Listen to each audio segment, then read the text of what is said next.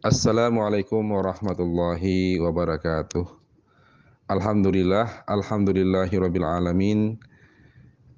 Alladzi farada alaina tatbiqa syariah wa iqamatil khilafah. Ashhadu an la ilaha illallah alladzi kataba ala nafsihi rahmah wa ashhadu anna Muhammadan rasulullah alladzi balagha risalah wa adal amanah wa basyara al muslimina bi iqamatil khilafah ala minhajin nubuwati tsaniyah.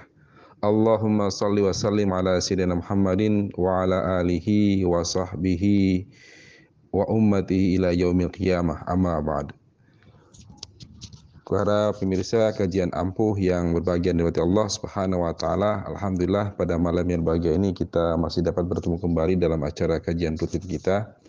Dan tema yang ingin kita angkat pada malam ini adalah tentang 101 tahun umat tanpa khilafah. Islam terus dijajah. Ridhokah kita? Supaya kita ketahui bahwa kaum muslimin yang mencintai agamanya semestinya mengingat pada bulan Rajab yang lalu, walaupun saat ini kita sudah masuk bulan Sya'ban, tapi pada beberapa hari yang lalu kita masih berada pada bulan Rajab, khususnya tanggal 28 Rajab, maka ini bukan saja sebagai sebuah bulan yang haram. Rajab juga bukan semata bulan yang diagungkan, tapi Rajab pula bukan hanya sebagai bulan yang di dalamnya terjadi Isra Mi'raj Muhammad Rasulullah Muhammad SAW. Namun kaum muslimin seharusnya kembali membuka sejarah bahwa pada Rajab ini yaitu tahun 1443 Hijriah genap sudah 101 tahun kaum muslimin hidup tanpa perlindungan khilafah Islamiyah. Khilafah Utsmaniyah sebagai khilafah terakhir yang diubarkan oleh Mustafa Kemal Ataturk pada tanggal 28 Rajab 1342 Hijriah atau bertepatan dengan tanggal 3 Maret 1924. Mustafa Kemal yang merupakan keturunan Yahudi dulu nama adalah adalah perwira Turki yang menjadi kaki tangan Inggris untuk menggerogoti kekuatan kaum muslimin dan khilafah dari dalam. Dan kita melihat setelah runtuhnya daulah khilafah di Turki, kaum muslimin ibarat seperti anak kehilangan orang tuanya yang menjadi tempat berlindung. Dan keruntuhan khilafah ini berdampak luas terhadap nasib umat. Penderitaan dan penderitaan terus dirasakan oleh umat. Karena ketidakan penjaga dan pelindung umat dan negeri-negeri mereka. Seperti misalnya Palestina yang dilindungi oleh khilafah Utsmaniyah akhirnya jatuh ke tangan Zionis Israel. Pada tahun 1530-an, imigrasi asal Yahudi mulai masuk ke Palestina dan mengusir penduduk aslinya. Sehingga akhirnya pada bulan Mei tahun 1948 secara resmi dideklarasikan negara Israel di atas tanah Palestina. Dan sejak itu kita melihat bahwa pengusiran dan pembantaian terhadap warga Palestina terjadi sampai detik ini. Dan kalau kita melihat juga kaum muslimin di Rohingya, di India yang baru ini kita melihat para wanita muslimah mereka dilecehkan, jilbab mereka dicambakkan, ya dan dilecehkan ya dan juga kaum muslimin di uh, belahan dunia yang lain seperti di Irak, di Suria ya dan di mana pun kaum muslim berada mereka berada dalam suasana yang sangat memilukan.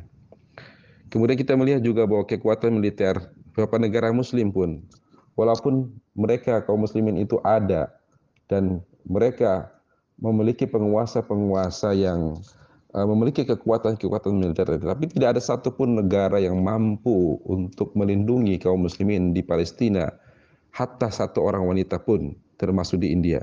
Tidak ada satupun yang mereka terlindungi. Dan inilah akibat belenggu pemahaman nasionalisme umat yang seperti tidak berdaya. Seperti yang dikatakan oleh Rasulullah wasallam, "Yusikul umamu an tada'a alaikum kama tada'a akalata akalatu ila qas'atiha faqala qailun wa min qillati nahnu yawma idin qala bal antum yawma idin kathir walakinnakum butha'un kabutha'is sabil Hampir saja itu bangsa-bangsa kafir menggerogoti kalian umat Islam sebenarnya mereka menggerubuti makanan yang berada di dalam piring. Dan seorang lagi berkata, apakah kami waktu itu sedikit? Maka beliau menjawab, Bahkan jumlah kalian itu pada Tuhan sangat banyak. Namun kalian seperti buih di lautan. Hadis riwayat Abu Daud. Imam Bukhari dan Muslim juga meriwayatkan hadis dari jalur Abu Hurairah radhiyallahu anhu bahwa Nabi SAW bersabda, innal imama junnatun yuqatalu min waraihi wa yuttaqa bihi fa inna amara bit taqwallah azza wa jalla wa adlun kana lahu bidzalika ajrun wa in ya'muru bi ghairihi kana alaihi min rawal Bukhari Muslim sungguhnya seorang imam itu laksana perisai dan dia akan jadi perisai di mana orang akan berperang di belakangnya dan digunakan sebagai tameng jika dia memerintahkan takwa kepada Allah Azza wa Jalla dan adil maka dengannya uh, dia akan mendapatkan pahala. Tetapi jika dia merintahkan yang lain, maka dia juga akan mendapatkan dosa atau azab karenanya. Hadis surat Bukhari dan Muslim. Para pemirsa kajian ampuh yang berbahagia dari Allah Subhanahu wa taala. Ya, inilah beberapa hadis dan dari Rasulullah SAW yang mengabarkan tentang kondisi kaum muslimin di mana mereka tidak punya pemimpin yang mereka akhirnya uh, terbelenggu dan ditolimi oleh orang-orang kafir. Ya. Dan kalau kita melihat bahwa sebenarnya perkara tentang khilafah ini adalah sesuatu yang menjadi fardu ya, atau sesuatu yang menjadi kewajiban bagi kaum muslimin dan juga adalah merupakan wa'dun atau janji dari Allah Subhanahu wa taala. Kalau kita melihat janji Allah Subhanahu wa taala seperti dalam Al-Qur'an surah An-Nur ayat 55 di mana Allah Subhanahu wa firman, "Wa'adallahu alladhina amanu minkum wa 'amilus salihat la yastakhlifannahum fil ard kama istakhlafa alladhina min qablihim wa liyumakkinannahum dinahum alladzi tadalahum wa yubaddilannahum min ba'di khawfihim amna ya'budunani la yusyrikuna bi syai'an wa man kafara ba'da dzalika fa ulaika humul fasiqun Allah telah menjanjikan kepada orang-orang di antara kamu yang beriman dan mengerjakan amal soleh bahwa dia sungguh akan menjadikan mereka berkuasa di bumi sebagaimana dia telah menjadikan orang-orang sebelum mereka berkuasa dan sungguh dia akan meneguhkan bagi mereka agama yang telah diridhoi yakni Islam dan dia benar akan mengubah keadaan mereka setelah berada dalam ketakutan menjadi aman sentosa. Mereka tetap menyembahku dengan tidak mempersatukanku dengan satu pun, tapi barang siapa tetap kafir setelah janji itu, maka mereka adalah orang-orang yang fasik. Para kajian uh, pemirsa ampuh yang Allah Subhanahu wa taala, kita melihat bahwa khilafah itu merupakan kabar gembira juga dari Rasulullah SAW. Dalam sebuah bicara Rasulullah SAW, Rasulullah bersabda, "Thumma takunu khilafatan ala minhajin nubuwah."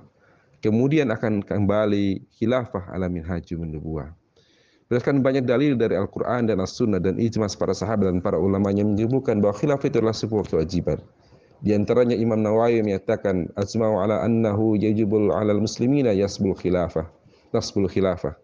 Mereka para sahabat telah sepakat bahwa wajib atas kaum muslimin untuk mengangkat seorang khalifah. Begitu juga Ibnu Hajar Al-Asqalani menyimpulkan wa ajma'u ala annahu yajibu nasbul khalifah wa ala an yu wa ala anna wujubuhu bisyar'i la bil aql dan mereka para ulama telah bersepakat bahwa wajib hukumnya mengangkat seorang khalifah dan bahwa kewajiban itu kewajiban itu adalah berdasarkan syara bukan akal. Ibnu Hajar Asqalani Fathul Bari juz ke 12 205. Oleh karena itu Uh, seorang ulama al-imam Abu Ya'la al-Farra juga menyebutkan nasbul imam wajibat. Ya. Jadi mengangkat seorang imam atau khalifah hukumnya wajib. Maka berdasarkan hal ini jelaslah bahwa menekan khalifah, menekan khilafah adalah fardu dan wajib. Dan kita tahu bahwa wajib itu bila dilakukan mendapatkan pahala sebaiknya bila tidak akan mendapatkan dosa. Dan sungguh berdiam diri tidak berjuang menentukan khilafah bagi kaum muslim merupakan suatu kemaksiatan Sebab khilafah merupakan salah satu kewajiban Islam. Di mana tegaknya hukum Islam bergantung kepadanya. Bahkan eksistensi Islam di tengah kehidupan pun tergantung kepadanya. Oleh karena itu, wahai kaum muslimin, para pemirsa ampuh yang dimiliki Allah Subhanahu wa taala, hal pertama yang penting saya kita lakukan adalah bergandengan tangan untuk menunaikan kewajiban itu dan berjuang mewujudkannya. Para pemirsa kajian ampuh yang dimiliki Allah Subhanahu wa taala, dengan melihat kondisi di atas tentang adanya kondisi kaum muslimin yang terpuruk karena ketidakadaan daulah khilafah dan juga adanya kewajiban dari Allah Subhanahu wa taala dan juga janji dari Allah Subhanahu wa taala dan rasulnya maka apakah kita rela berdiam diri terhadap kondisi ini? Tentu kita tidak mungkin berdiam diri. Kenapa? Karena Allah Subhanahu wa taala juga tidak menginginkan kaum muslimin itu dikuasai dan dikangkangi oleh orang kafir. Allah Subhanahu wa firman A'udzubillahi minasyaitonir rajim. Wala yaj'alallahu lil kafirina Dan sekali-kali Allah tidak akan pernah memberi jalan kepada orang kafir untuk menguasai orang-orang mukmin. An-Nisa ayat 141. Ayat yang aku ini adalah dalil larangan memberikan jalan bagi orang kafir untuk menguasai orang yang beriman. Ya, huruf lam berfaedah li ta'bid untuk menunjukkan selama-lamanya. Artinya selama-lamanya sampai kiamat pun Allah tidak akan memberikan Allah tidak akan ridha kita kaum muslimin dikuasai dan terus dijajah oleh orang kafir dalam sehingga bagi kita kaum muslimin inilah sebuah hal yang sangat penting untuk tidak bisa berdiam diri terhadap segala kondisi saat ini. Dalam sebuah hadis Rasulullah SAW juga bersabda, "Man asbaha wa lam yaftah bi amri muslimin fala minhum." Barang siapa yang dia bangun di pagi hari dan dia tidak pernah peduli terhadap urusan kaum muslimin, falaisa minhum, maka dialah bukan bagian dari mereka. Untuk itulah pada kesempatan bagi Al-Fakir mengajak kepada kita semua untuk uh,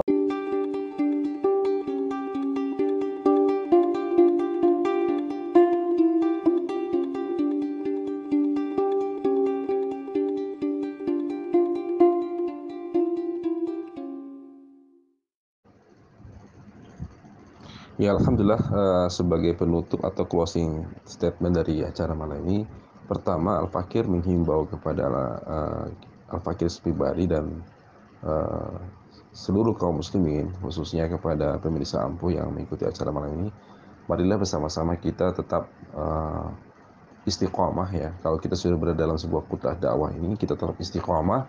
Bagi yang belum ya marilah kita bersama-sama ya bergandengan tangan untuk berjuang menegakkan kembali daulah khilafah Islam. Karena ini adalah sebuah kewajiban tadi ya. Kewajiban kita kepada uh, Allah Subhanahu wa taala dan kepada Rasulullah SAW bahwa kita harus ya, menegakkan kembali daulah khilafah. Karena tanpa daulah khilafah Islam tidak mungkin kita bisa menerapkan semua hukum-hukum Allah Subhanahu wa taala. Padahal kita diperintahkan diwajibkan juga oleh Allah Subhanahu wa taala untuk menerapkan semua hukum-hukum Allah Subhanahu wa taala. Bahkan diancam oleh Allah Subhanahu wa taala bagi orang-orang yang tidak mau berhukum dengan hukum Allah. Wa man lam yahkum bima anzalallah fa ulaika humul zalimun wa man lam yahkum bima anzalallah fa ulaika humul fasiqun.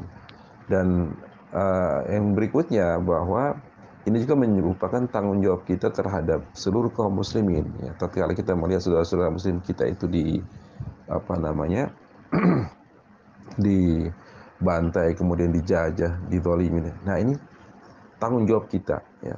Kita di Indonesia saat ini kita mungkin belum mengalami hal itu, mudah-mudahan tidak. Tapi tanggung jawab kita adalah bagaimana menegakkan daulah khilafah supaya dengan daulah khilafah itu bisa menghilangkan semua bentuk kezaliman dan uh, apa namanya penjajahan di muka bumi terhadap kaum muslimin itu.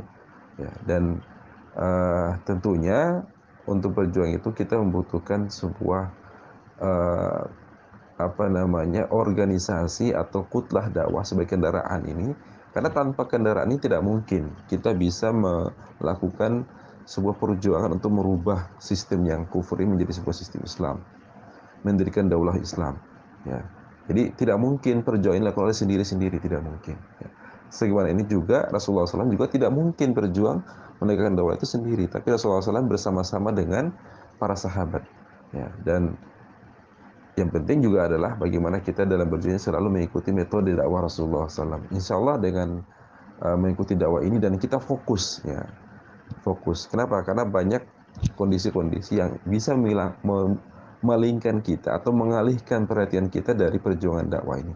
Apa pun yang terjadi di luar sana, konflik apa pun di luar sana, tetap tidak boleh memalingkan kita dari fokus kita dalam perjuangan untuk menaikkan daulah khilafah Islam.